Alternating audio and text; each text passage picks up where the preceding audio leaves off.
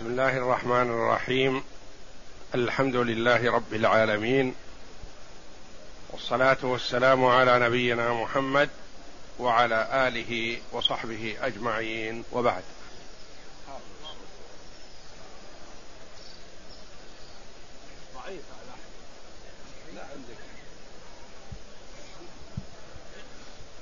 بسم الله.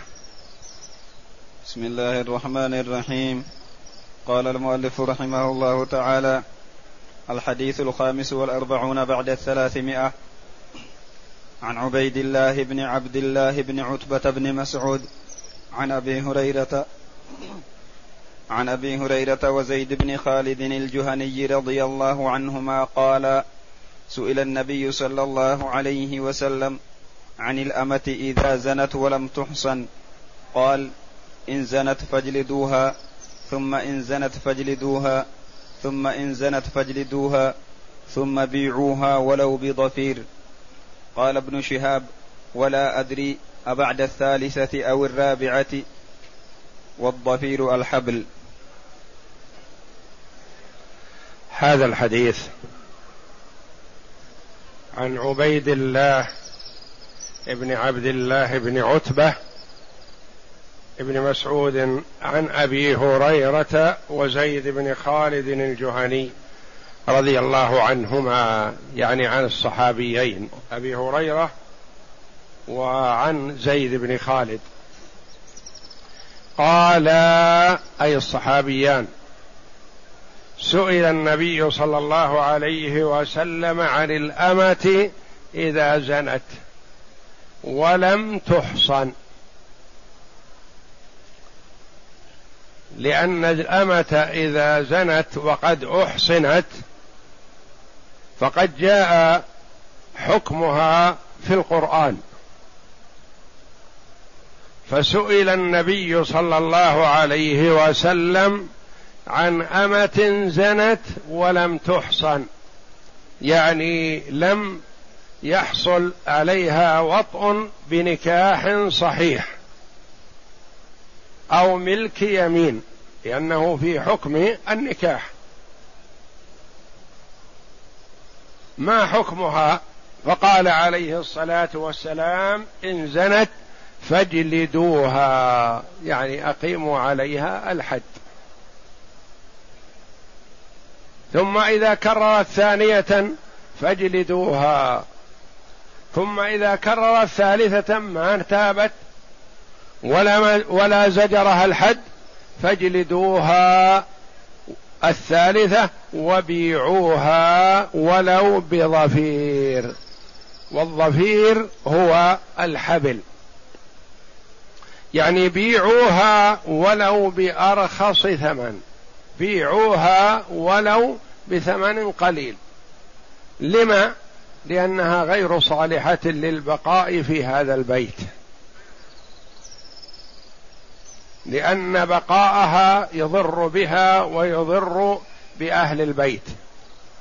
فنقلها إلى بيت آخر لعله يكون إما لإعفافها بأن يطأها سيدها ويكفيها وإما بأن يزوجها من يحسنها وإما بان يحفظها ويهتم بها ويصونها عن الفساد.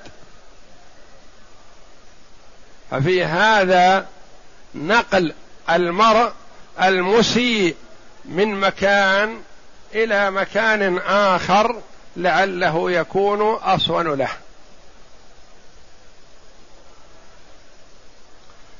يقول ابن شهاب الراوي عن عبيد الله بن عبد الله بن عتبة بن مسعود لا أدري أبعد الثالثة أو الرابعة البيع. شك رحمه الله وأراد أن يبين ما وصل إليه علمه. هل هو هذا أو هذا؟ خشية أن يؤخذ عنه ما لم يثبت عن النبي صلى الله عليه وسلم. ففي هذا الحديث أن الأمة وإن لم تحصن عليها الحد وحدها على النصف من حد الحرة. وحدها كذلك في حال الإحصان. قال الله جل وعلا فإذا أحصن فإن أتين بفاحشة فعليهن نصف ما على المحصنات من العذاب. ذلك لمن خشي العنة منكم. فإذا أحصن فعليهن نصف ما على المحصنات من العذاب. ومن المعلوم أن المحصنة الحرة إذا زنت حدها الرجم. والرجم لا يتنصف. الرجم ما يكون فيه نصف رجم. فعلم أن المراد نصف ما على المرأة المحصنة أي البكر لأنه يتنصف. بدل مئة جلدة وتغريب عام يكون عليها خمسون جلدة. ففهم من هذا الحديث ومن آية من الآية الكريمة أن المحصنة وغير المحصنة من الإماء ومن الأرقة ذكورا كانوا إناثا أن حد أحدهم خمسين جلدة.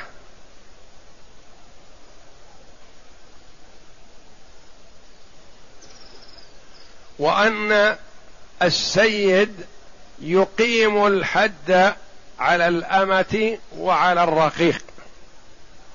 لأن شأنه أقل من الأحرار فيتولى ذلك سادتهم بخلاف غيره غير الجلد مما يخشى أن يتعدى ضرره من قطع أو قتل قد لا يستحق القتل. فهذا يتولاه الحاكم الشرعي بالنسبة للأرقاء كما يتولى ذلك بالنسبة للأحرار.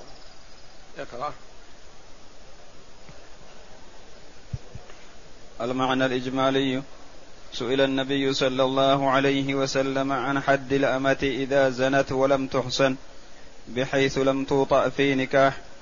فأخبر صلى الله عليه وسلم أن عليها الجلد وجلدها نصف ما على الحرة من الحد فيكون خمسين جلدة.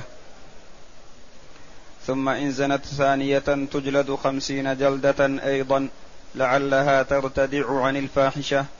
فإذا زنت الثالثة ولم يردعها الحد ولم تتب إلى الله تعالى وتخشى الفضيحة حينئذ فاجلدوها الحد وبيعوها ولو بأقل ثمن وهو الحبل الرخيص لأنه لا خير في بقائها وليس في استقامتها رجاء قريب.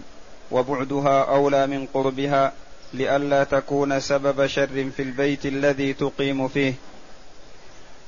ما يستفاد من الحديث اولا حد الأمة إذا زنت ولم تحصن الجلد وهو نصف ما على الحرة والحرة حدها مئة جلدة وتغريب عام فيكون حد الأمة خمسين جلدة ولا تغرب لأن تغريبها يضر بسيدها وربما أغراها بمعاودة الفاحشة. لأنها تكلف سيدها بتغريبها ونقلها إلى مكان آخر. ربما يكلف السيد بأن يهيئ لها المكان المناسب ويهيئ لها من يتولى أمرها ونحو ذلك وبهذا تكليف على الغير لا تكليف على الجاني أو الزاني وإنما تكليف على الغير. فسقط عنها التغريب. نعم.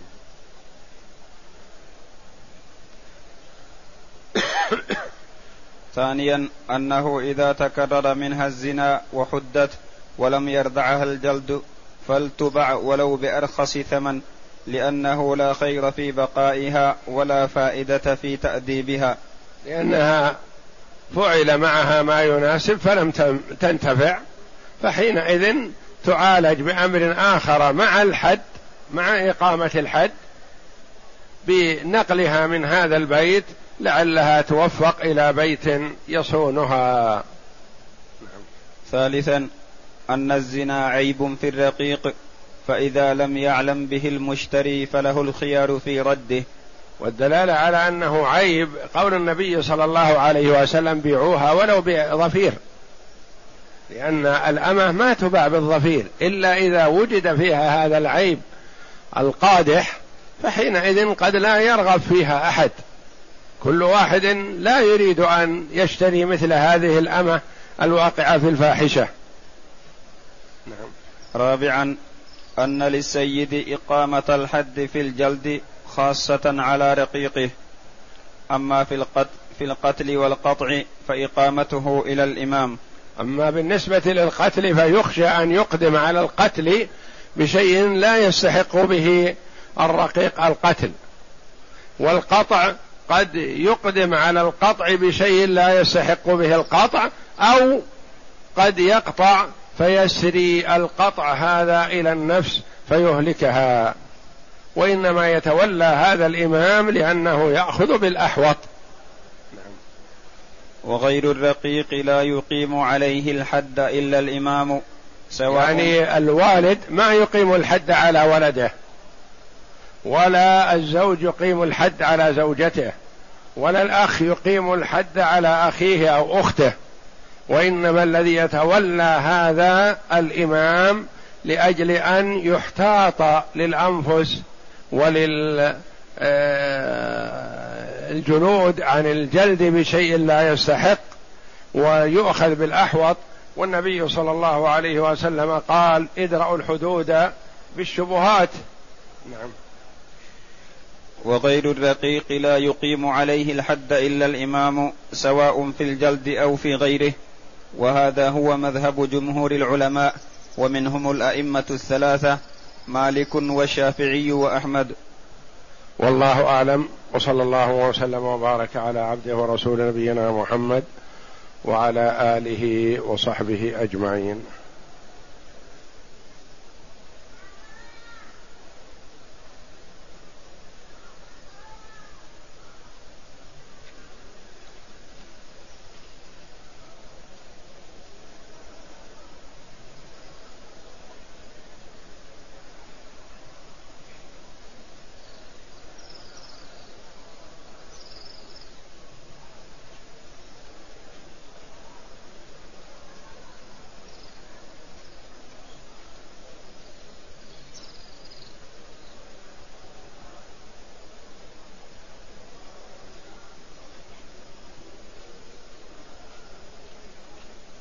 يقول السائل أعطتني الوالدة مبلغا قدره خمسين ألف ريال لاستثماره لها فاشتريت لها به سيارة وبعتها بالتقسيط على دفعتين كل سنة سبعة وثلاثين ألف وخمسمائة ريال.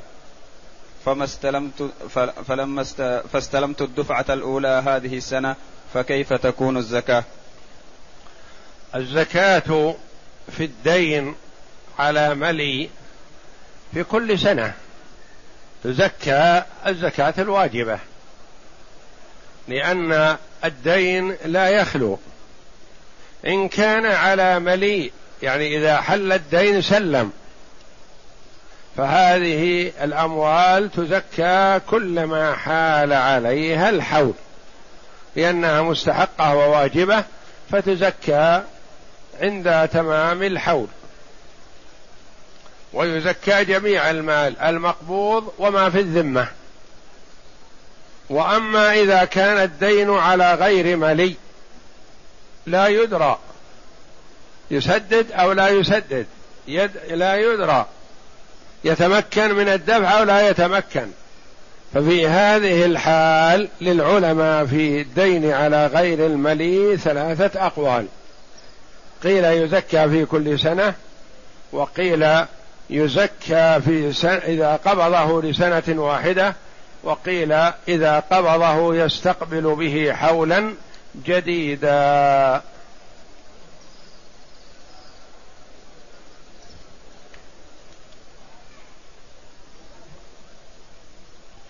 يقول هل بعد التكبيرة الرابعة من صلاة الجنازة من ذكر صلاة الجنازة يشرع فيها الإسراع والتخفيف كما في تجهيز الميت يجهز بالإسراع فلذا لا يشرع في صلاة الجنازة استفتاح وإنما إذا كبر استعاذ بالله من الشيطان الرجيم وقال بسم الله الرحمن الرحيم الحمد لله رب العالمين. ثم بعد التكبيرة الرابعة السلام.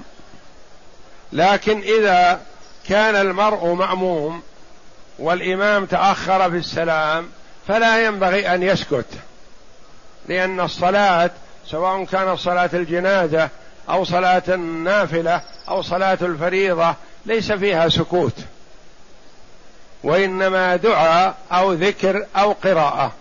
وحينئذ يشرع للإنسان أن يدعو. يدعو للميت الحاضر أو لعموم المسلمين أو لأموات المسلمين وهكذا فلا يسكت.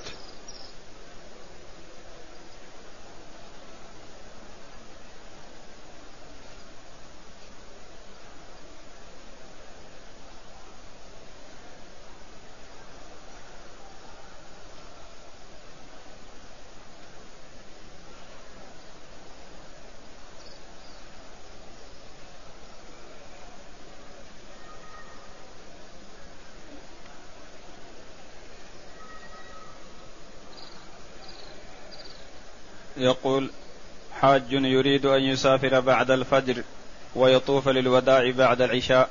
هل هذا صحيح؟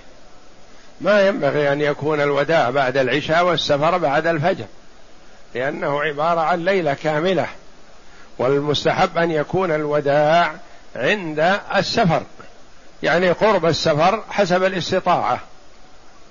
لا يشق على نفسه ولا يقدمه هذا التقديم. بل يكون قبيل السفر أحسن.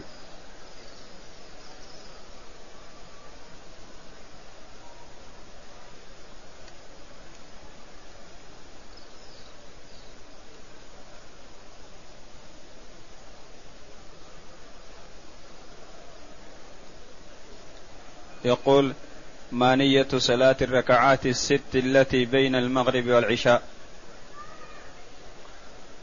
صلاة المغرب لها راتبة وراتبتها ركعتان بعدها ثم بعد الراتبة إلى وقت العشاء كله وقت للصلاة وتستحب فيه الصلاة. واعتبرها العلماء رحمهم الله من قيام الليل. قالوا الصلاة ما بين المغرب والعشاء تعتبر من قيام الليل لأنها من صلاة الليل. والنبي صلى الله عليه وسلم يقول أفضل الصيام بعد رمضان شهر الله الذي تدعونه المحرم وأفضل الصلاة بعد المكتوبة صلاة الليل. وصلاة الصلاة بين المغرب والعشاء من صلاة الليل. وقال صلى الله عليه وسلم صلاة الليل مثنى مثنى وفي رواية صلاة الليل والنهار مثنى مثنى يعني يصلي ركعتين ويسلم. فما ورد من صلاة ست ركعات بين المغرب والعشاء يستحب لكن تكون كل ركعتين بسلام. يصلي ركعتين ويسلم لقوله صلى الله عليه وسلم صلاة الليل مثنى مثنى. ولهذا قال العلماء لا تنعقد صلاة الليل بأكثر من ركعتين يعني أربع أو ست أو ثمان لا تصح إلا من أراد أن يوتر بأكثر من واحدة. فقد ورد الوتر بثلاث ركعات بسلام واحد وكونها بسلامين أفضل. وقد ورد الوتر بخمس ركعات لا يجلس إلا في آخرها. وورد الوتر بسبع ركعات لا يجلس إلا بعد السادسة ثم يقوم ويأتي بالسابعة قبل أن يسلم. وورد الوتر بتسع ركعات لا يجلس فيها إلا بعد الثامنة فيتشهد ويقوم ولا يسلم ثم يأتي بالتاسعة ويسلم. فإن أوتر بإحدى عشرة فيتكون كل ركعتين بسلام.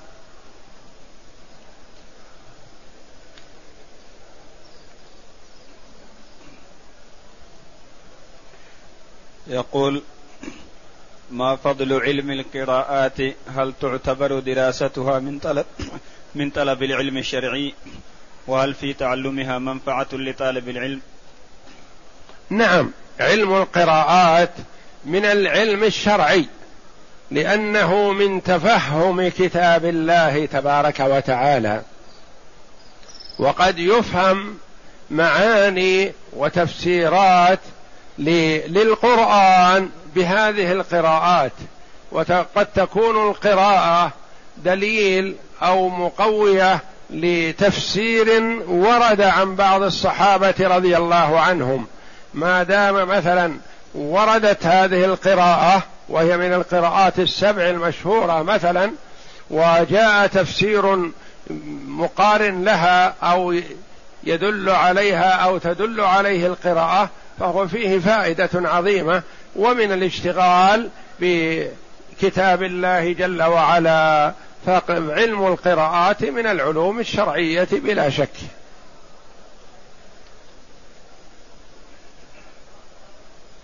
يقول أقسمت بالله ألا أفعل شيئا ثم فعلته وسمت ثلاثة أيام فهل علي شيء؟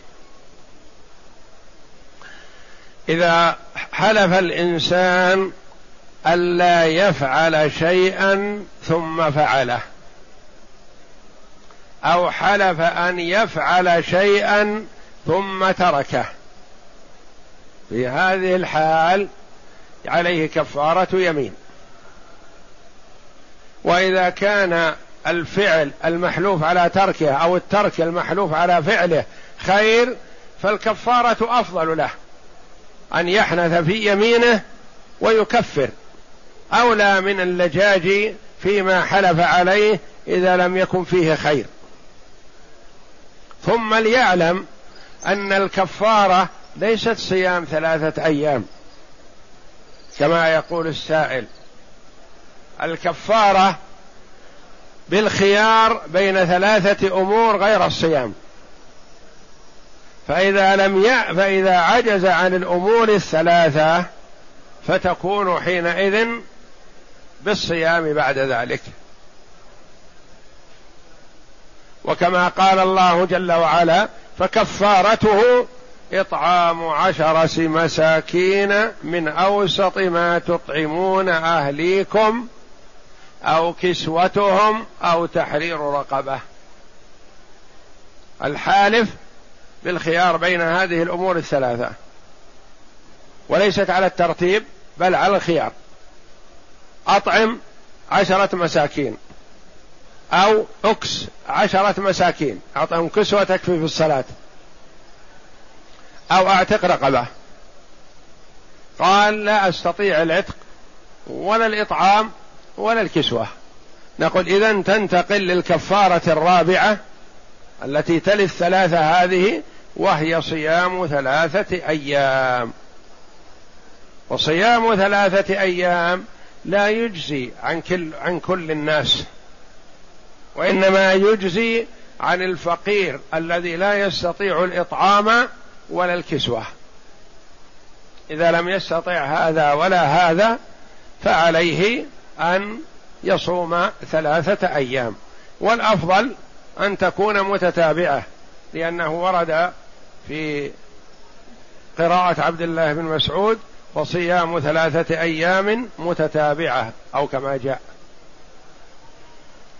فهذه كفارة اليمين. وليعلم المرء أنه يستحب له الحنث أحيانا ويكفر عن يمينه. إذا كان المحلوف على تركه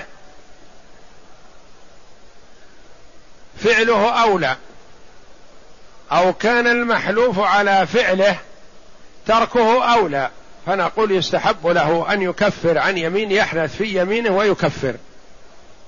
لقول النبي صلى الله عليه وسلم إني والله إن شاء الله ما حلفت على يمين فرأيت غيرها خيرا منها إلا أتيت الذي هو خير وتحللتها.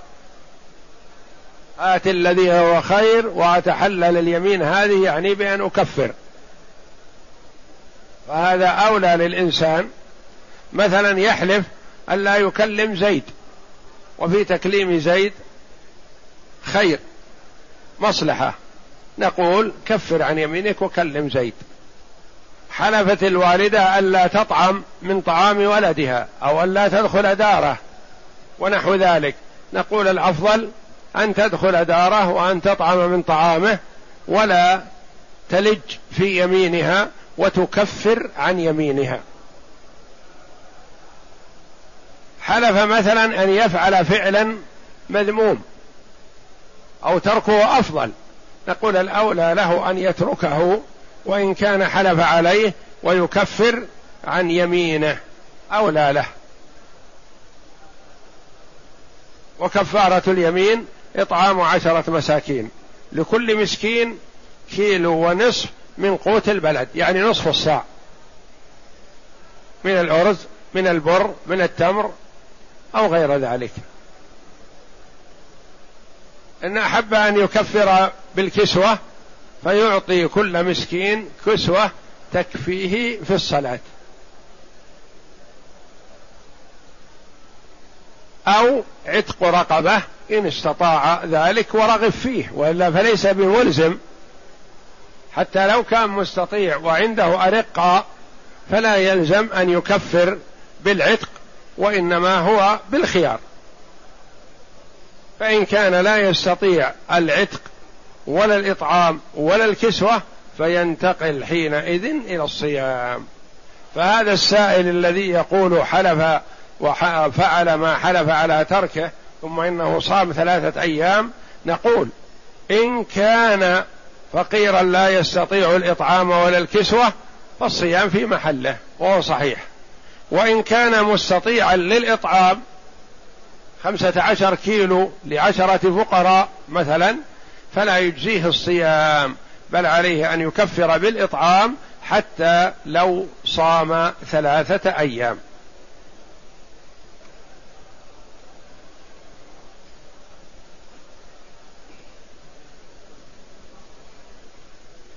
يقول ما حكم طواف الوداع بالنسبة للمقيم والمعتمر ورجل الأعمال؟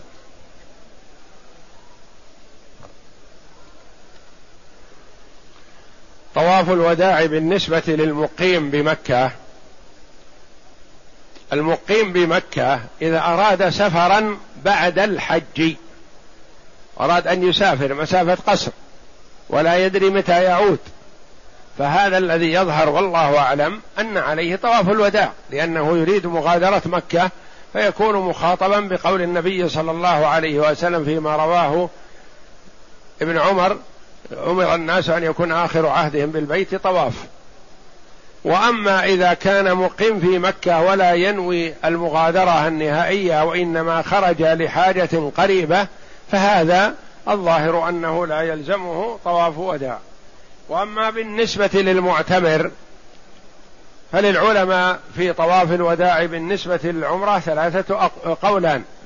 قول بوجوب طواف الوداع للعمره كوجوبه للحج. وقالوا إن العمرة تسمى حج أصغر. فيجب فيها ما يجب في الحج. آخرون قالوا لا يجب لأن العمرة المعتمر مقيم في مكة وأدى نسكه في مكة ويخرج متى شاء. بخلاف الحج فالحاج يخرج إلى منى ثم إلى عرفات ثم يعود إلى مزدلفة ثم إلى منى ثم إلى مكة ثم يرجع إلى منى وهكذا فأمر أن يكون آخر عهده بالبيت طواف.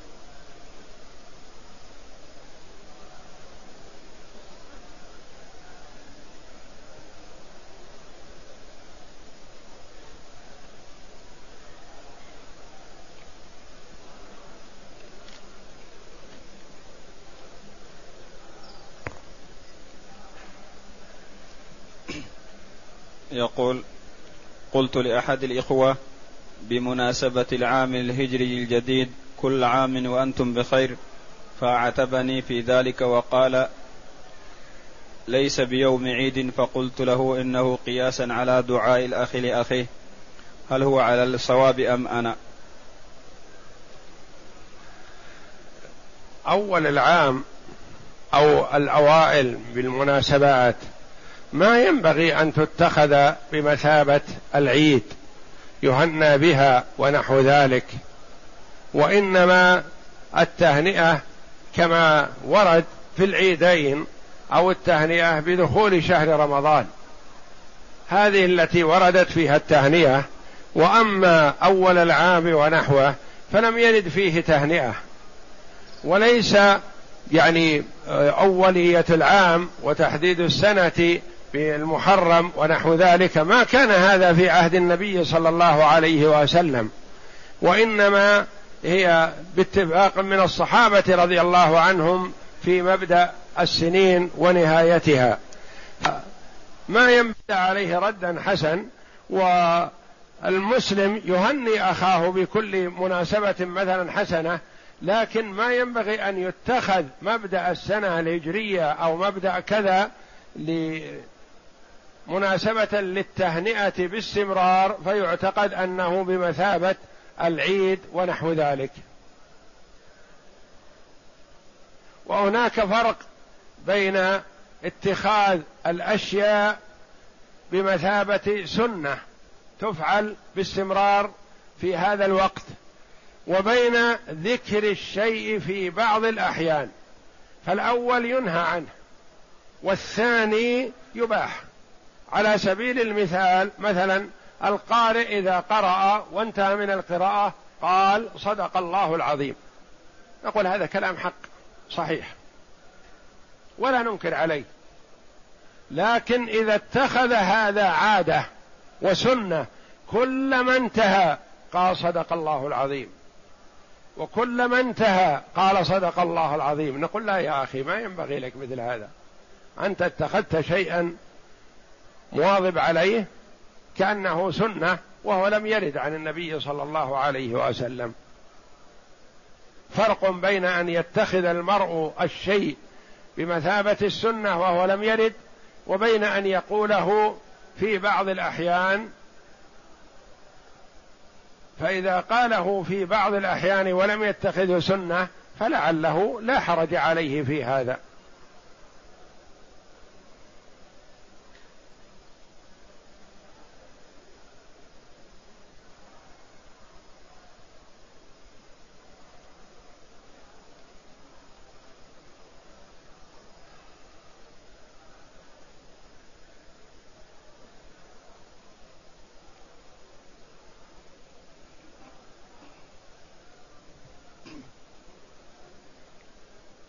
تقول يقول هلكت هالكة عن زوج وأم وأخت شقيقة وأخت لأب وأخت لأم.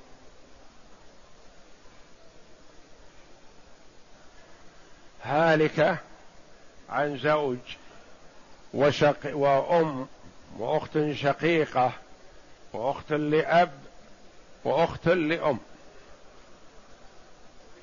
الزوج له النصف لعدم الفرع الوارث. والأم لها السدس لوجود الجمع من الأخوات الثلاث. والأخت الشقيقة لها النصف لأنها مستحقة للنصف والأخت لأب لها السدس تكملة الثلثين لتأخذ الأخوات الثلثين. والأخت لأم لها السدس لأنها صاحبة فرض. فالمسألة فيها نصفان نصف للزوج ونصف للشقيقة هذا كامل. وفيها ثلاثة أنصاف أخرى ثلاثة أسداس أخرى. أم وأخت لأب وأخت لأم لكل واحد من واحدة منهما سدس يعني المسألة عالت إلى تسعة. إلى تسعة. أصلها من ستة وعالت إلى تسعة.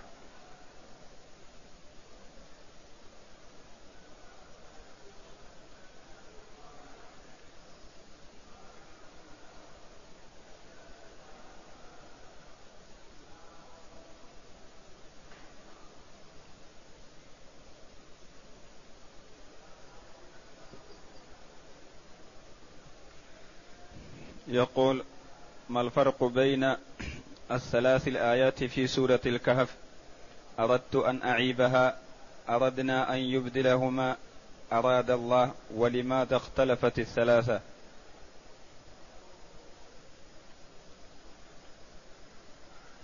الاختلاف والله أعلم في قوله أردت أن أعيبها. هذا لأنه عيب. لأنه إضرار لأنه خرق في السفينة. فاستحيا أن ينسبه إلى الله تبارك وتعالى.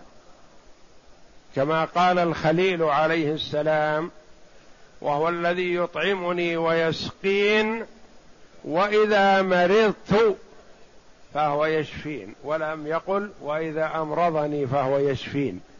تأدبا مع الله فلا ينسب إليه ما فيه ما ظاهره الضرر لأن الله جل وعلا لا يفعل إلا الخير وكل فعله خير وبركة لكن قد يكون فيه ضرر شخصي لكن فيه منفعة أخرى. ولهذا دعا النبي صلى الله عليه وسلم من دعائه والشر ليس إليك. فما قال أراد الله أن يعيبها وإنما قال أردت أن أعيبها. وفي قوله تعالى وفي قوله تعالى أراد ربك أن يبلغا أشدهما ويستخرجا كنزهما. هذه إرادة فيها خير لهما فنسب الإرادة إلى الله تبارك وتعالى. وفي قوله أردنا أن يبدلهما ربهما خيرا منه زكاة وأقرب رحما هذا دعاء ورجا إلى الله جل وعلا فأردنا يعني رغبنا أن يبدلهما الله بكذا. هذا والله أعلم.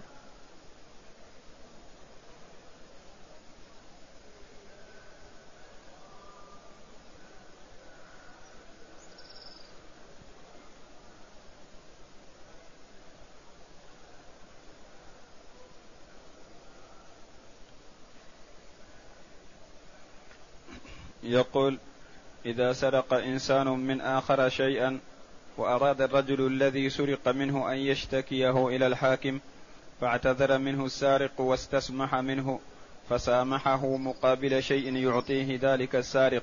فهل هذا يجوز؟ الجواب نعم يجوز. لأن النبي صلى الله عليه وسلم قال تعافوا الحدود فيما بينكم. فما بلغني من حد فقد وجب.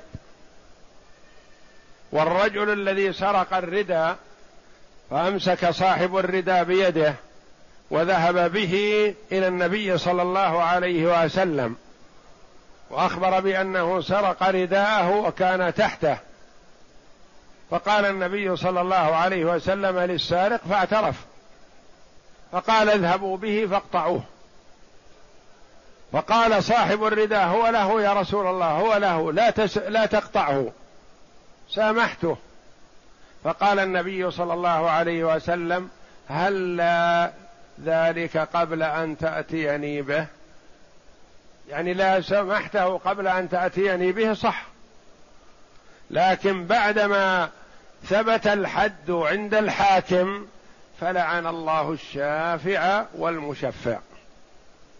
يعني إذا ثبت الحد فالشافع في هذا الحد ملعون على لسان محمد صلى الله عليه وسلم. إيضاح ذلك مثلا. مس رأيت رجلا مسك بتلابيب آخر وقال إن هذا سرق مني كذا وهذه السرقة في حرز وموجبة للقطع إذا اعترف. وقلت للسارق هل سرقت؟ قال نعم. ما أنكر الواقع والحقيقة. سرقت. فقلت للمسروق عنه يا أخي سامحه. قال لا. قلت له سامحه وأنا أعطيك مثل ما سرق. وسامحه اتركه لله. فتركه. فأنت مأجور في هذه الحال. لأن الحال الحد إلى الآن ما وجب ولا لزم ولا بلغ السلطان. صوره أخرى علمت أن قضية في المحكمة فلان متهم بالسرقة وأنه اعترف عند الحاكم بأنه سارق والحاكم أودعه السجن لتنفيذ الحد الذي هو القطع. فذهبت إلى الحاكم لتشفع إلى القاضي أو لولي الأمر أيا كان. ففي هذه الحال ما يجوز يحرم عليك.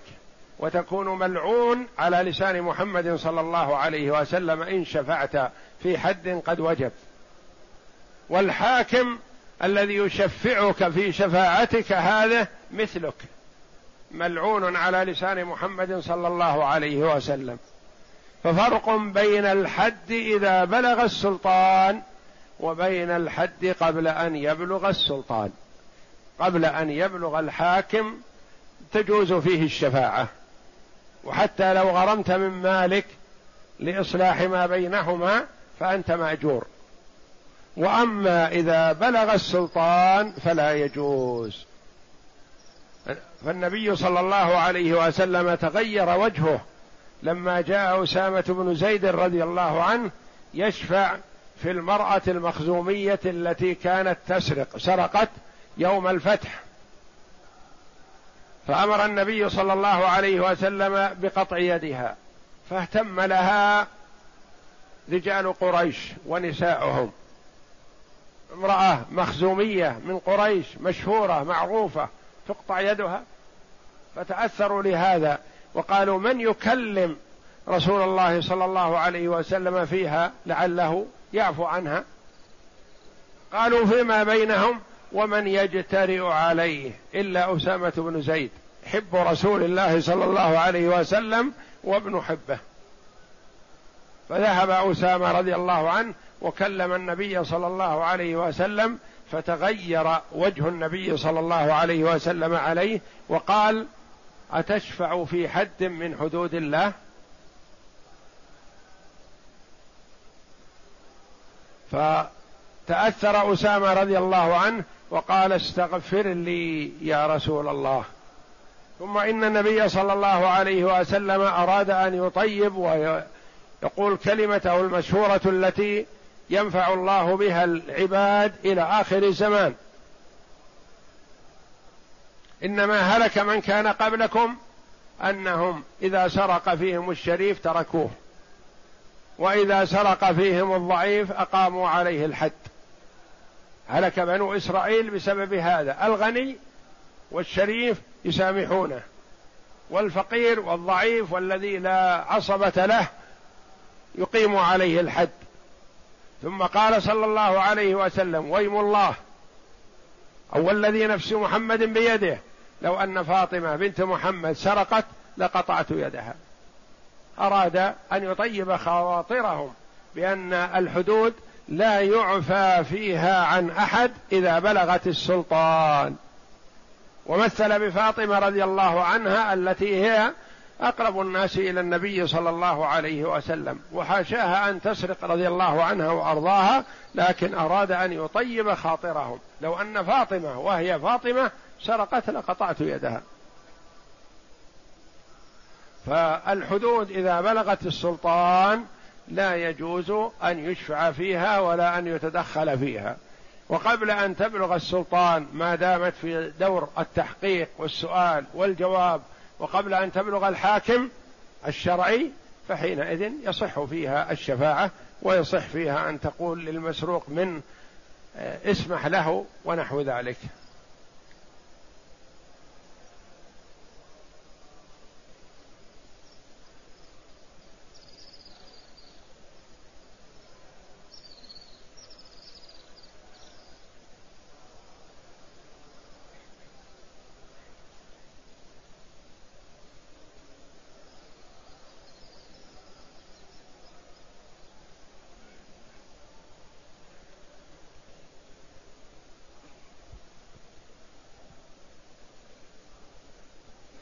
يقول تحيرت في أمري وسرت لا أدري هل أنا على صواب أم خطأ وهو ذنب يلازمني لا أستطيع التخلص منه مثل الاستمناء أفعل ثم أتوب ثم أفعل ثم أتوب. فهل فيه وسيلة للتخلص من هذا الذنب؟ ولو كان فيه بالفعل عن طريق الطب فهل هذا حلال؟ الاستمناء باليد محرم. والله جل وعلا يقول في كتابه والذين هم لفروجهم حافظون إلا على أزواجهم أو ما ملكت أيمانهم فإنهم غير ملومين. فمن ابتغى وراء ذلك فأولئك هم العادون.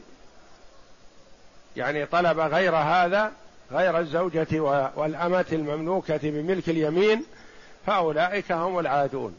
وناكح يده هذا عادي. فالفعل محرم. والنبي صلى الله عليه وسلم أرشد إلى العلاج عليه الصلاة والسلام فهو طبيب الأبدان والقلوب عليه الصلاة والسلام وهو الرؤوف الرحيم بالأمة وما من خير إلا ودلنا عليه ورغبنا فيه وما من شر إلا وحذرنا منه صلوات الله وسلامه عليه فهو الناصح الأمين عليه الصلاة والسلام. يقول عليه الصلاة والسلام يا معشر الشباب من استطاع منكم الباءة فليتزوج فإنه أغض للبصر وأحصن للفرج. إذا تزوج ما احتاج إلى أن ينكح يده فإنه أغض للبصر وأحسن للفرج. ومن لم يستطع ما استطاع أن يتزوج لسبب من الأسباب فعليه بالصوم. فإنه له وجاء يمنعه من الحرام بإذن الله. أولا أن الصائم في عبادة وقلبه متعلق بربه تبارك وتعالى. ثم إن الصائم تضعف الشهوة عنده لأنه كما جاء في الحديث إن الشيطان يجري من ابن آدم مجرى الدم. فإذا صام الإنسان ضعف مجرى الدم في جسده فيضعف تسلط الشيطان عليه. فعلاج هذا بالزواج ومن لم يستطع فعلاجه الآخر بالصيام. يصوم ويتخير نوعا من أنواع الصيام الذي يرى أنه يكفيه. فالنبي صلى الله عليه وسلم أرشد إلى أنواع أن يصوم يوما في الشهر أن يصوم يومين في الشهر أن يصوم ثلاثة أيام في الشهر أن يصوم الاثنين والخميس من كل أسبوع أن يصوم يوما ويفطر يوما وهكذا. في أو يصوم باستمرار ثم يتوقف اياما ثم يصوم ويتوقف وهكذا. وكان النبي صلى الله عليه وسلم كما قال الصحابي رضي الله عنه كان النبي صلى الله عليه وسلم يصوم حتى نقول لا يفطر. يعني يواصل الصيام أيام متتابعة. ويفطر حتى نقول لا يصوم. يعني يواصل الفطر عليه الصلاة والسلام ليتقوى بذلك على ما يريده من أمر يحبه الله جل وعلا.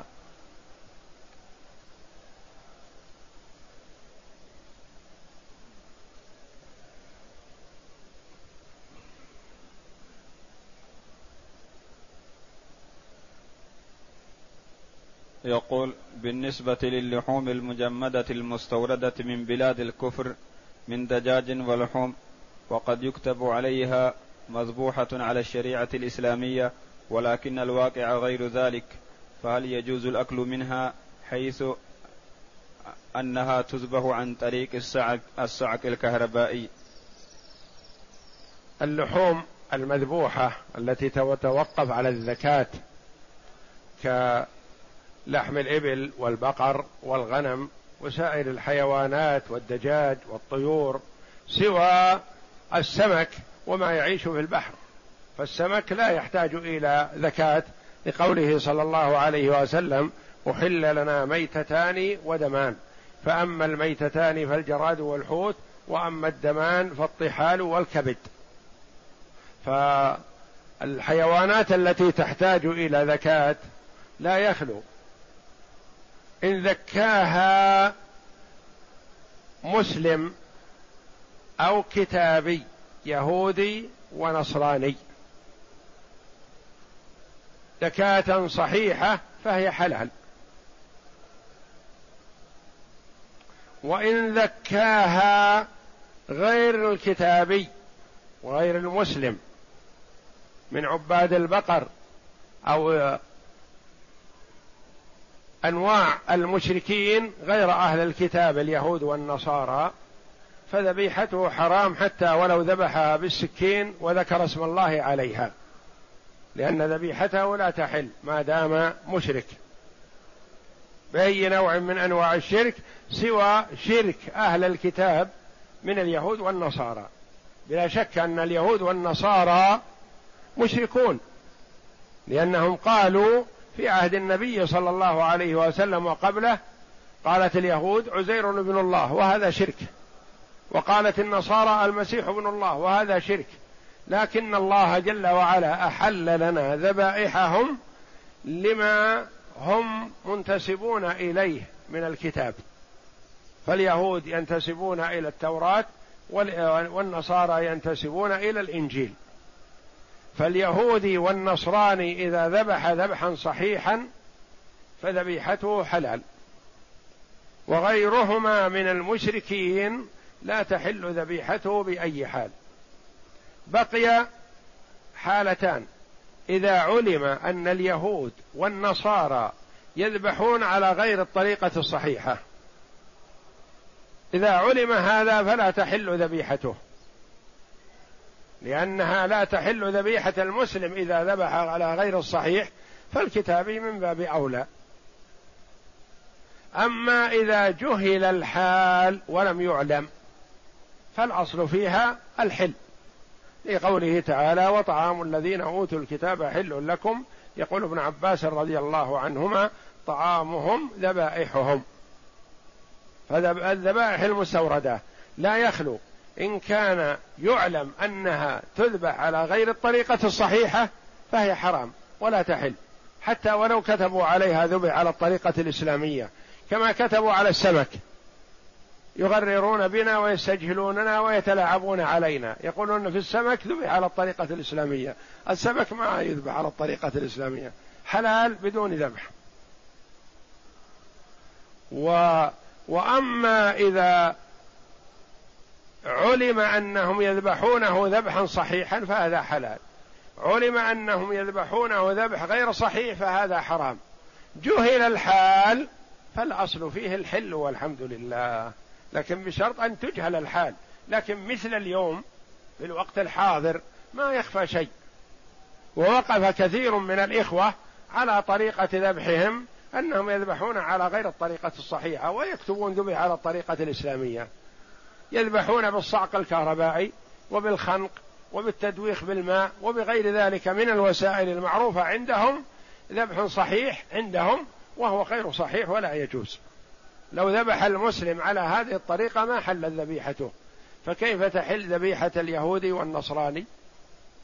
فعلى المسلم أن يأخذ بالأحوط والاهتمام بالمطعم سبب لإجابة الدعاء. والتساهل في المطعم من حلال أو حرام سبب لحرمان المسلم من إجابة دعائه وإن كان مسلم. سعد رضي الله عنه قال يا رسول الله ادعو الله أن يجعلني مستجاب الدعوة.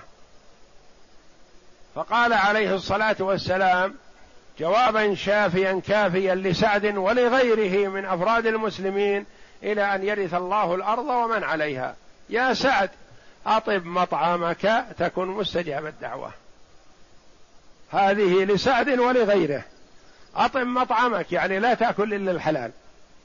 ليس المراد بطيب المطعم أن يتخير عن أنواع الطيبة والغالية لا. النبي عليه الصلاة والسلام أكثر أكله الشعير أقل أنواع الطعام. وما شبع من خبز الشعير عليه الصلاة والسلام ثلاثة أيام متوالية. وإنما أطب مطعمك بالحلال. ومات عليه الصلاة والسلام ودرعه مرهون عند يهودي في آصع من شعير أخذه لأهله. آصع شعير اشتراها من يهودي ما عنده ما يدفع من الدراهم عليه الصلاة والسلام. فأعطاه الدرع رهن. لأن اليهودي ما قدر النبي صلى الله عليه وسلم وما باع عليه بدون قال لابد من الرهن. فأعطاه الدرع فأخذها أبو بكر رضي الله عنه من اليهود بعد وفاة النبي صلى الله عليه وسلم وبعدما سدد عنه الدين عليه الصلاة والسلام ورضي الله عن أبي بكر. فيقول صلى الله عليه وسلم لسعد ولغيره من المسلمين أطب مطعمك تكن مستجاب الدعوة. اترك الحرام. تجنب الحرام. يعني سبب إجابة الدعاء أكل الحلال الطيب المباح. وسبب عدم إجابة الدعاء والعياذ بالله أكل الحرام. والنبي صلى الله عليه وسلم حث على الحلال. ثم إنه عليه الصلاة والسلام ذكر الرجل يطيل السفر أشعث أغبر يمد يديه إلى السماء يقول يا ربي يا ربي ومطعمه حرام ومشربه حرام وغذي بالحرام فأنى يستجاب لذلك. عنده من أسباب إجابة الدعاء أمور كثيرة وهي إطالة السفر والشعثة والغبرة. ومد اليدين إلى السماء وتكرار الدعاء والندى يا ربي يا ربي. كل هذه من أسباب الإجابة. لأن النبي صلى الله عليه وسلم قال رب أشعث أغبر مدفوع بالأبواب لو أقسم على الله لأبره. والمسافر يستجاب دعاؤه. فهذا الرجل عنده من مسببات إجابة الدعاء كثير لكن المطعم حرام والمشرب حرام وغذي بالحرام فقال عليه الصلاة والسلام فأنا يستجاب لذلك. يعني بعيد كل البعد أن يستجاب له. فليحذر المسلم أن يأكل الحرام. وقال عليه الصلاة والسلام من اتقى الشبهات استبرأ لدينه وعرضه ومن وقع في الشبهات وقع في الحرام. والحمد لله لا حاجة ولا ضرورة إلى الأطعمة التي تحتاج إلى زكاة وهي مذكاة في الخارج لا يدرى عن صفة زكاتها. فربما تكون حرام وفطيس. ووقيذة ميتة. يكرهها الإنسان لو اطلع على طريقة موتها مثلا. تأتيه مغلفة معلبة كذا تروق له يأكلها وهي حرام عليه من حيث لا يشعر. فتكون سببا لعدم إجابة الدعاء والعياذ بالله. فليحذر المسلم وليتق الشبهات ومن اتقى الشبهات استبرأ لدينه وعرضه ومن وقع في الشبهات وقع في الحرام.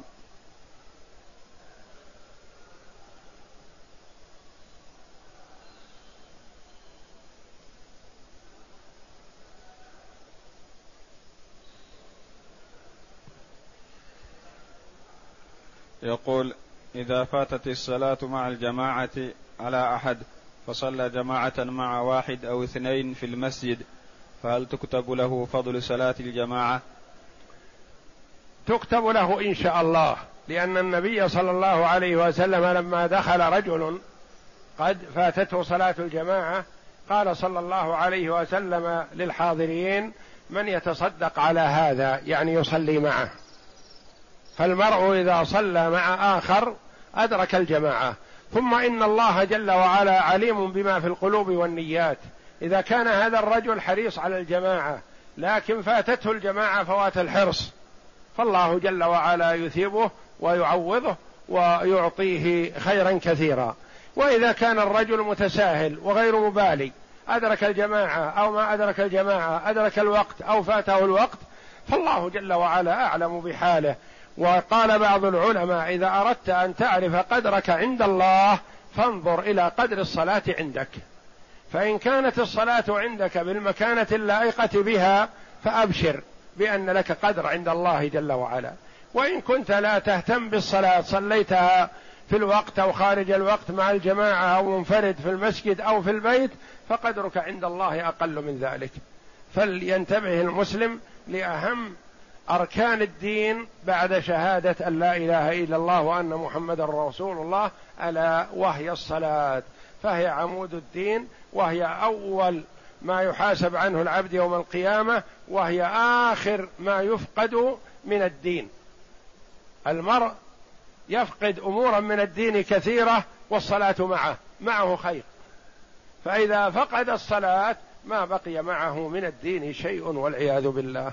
والله أعلم. وصلى الله وسلم وبارك على عبده ورسول نبينا محمد وعلى آله وصحبه أجمعين.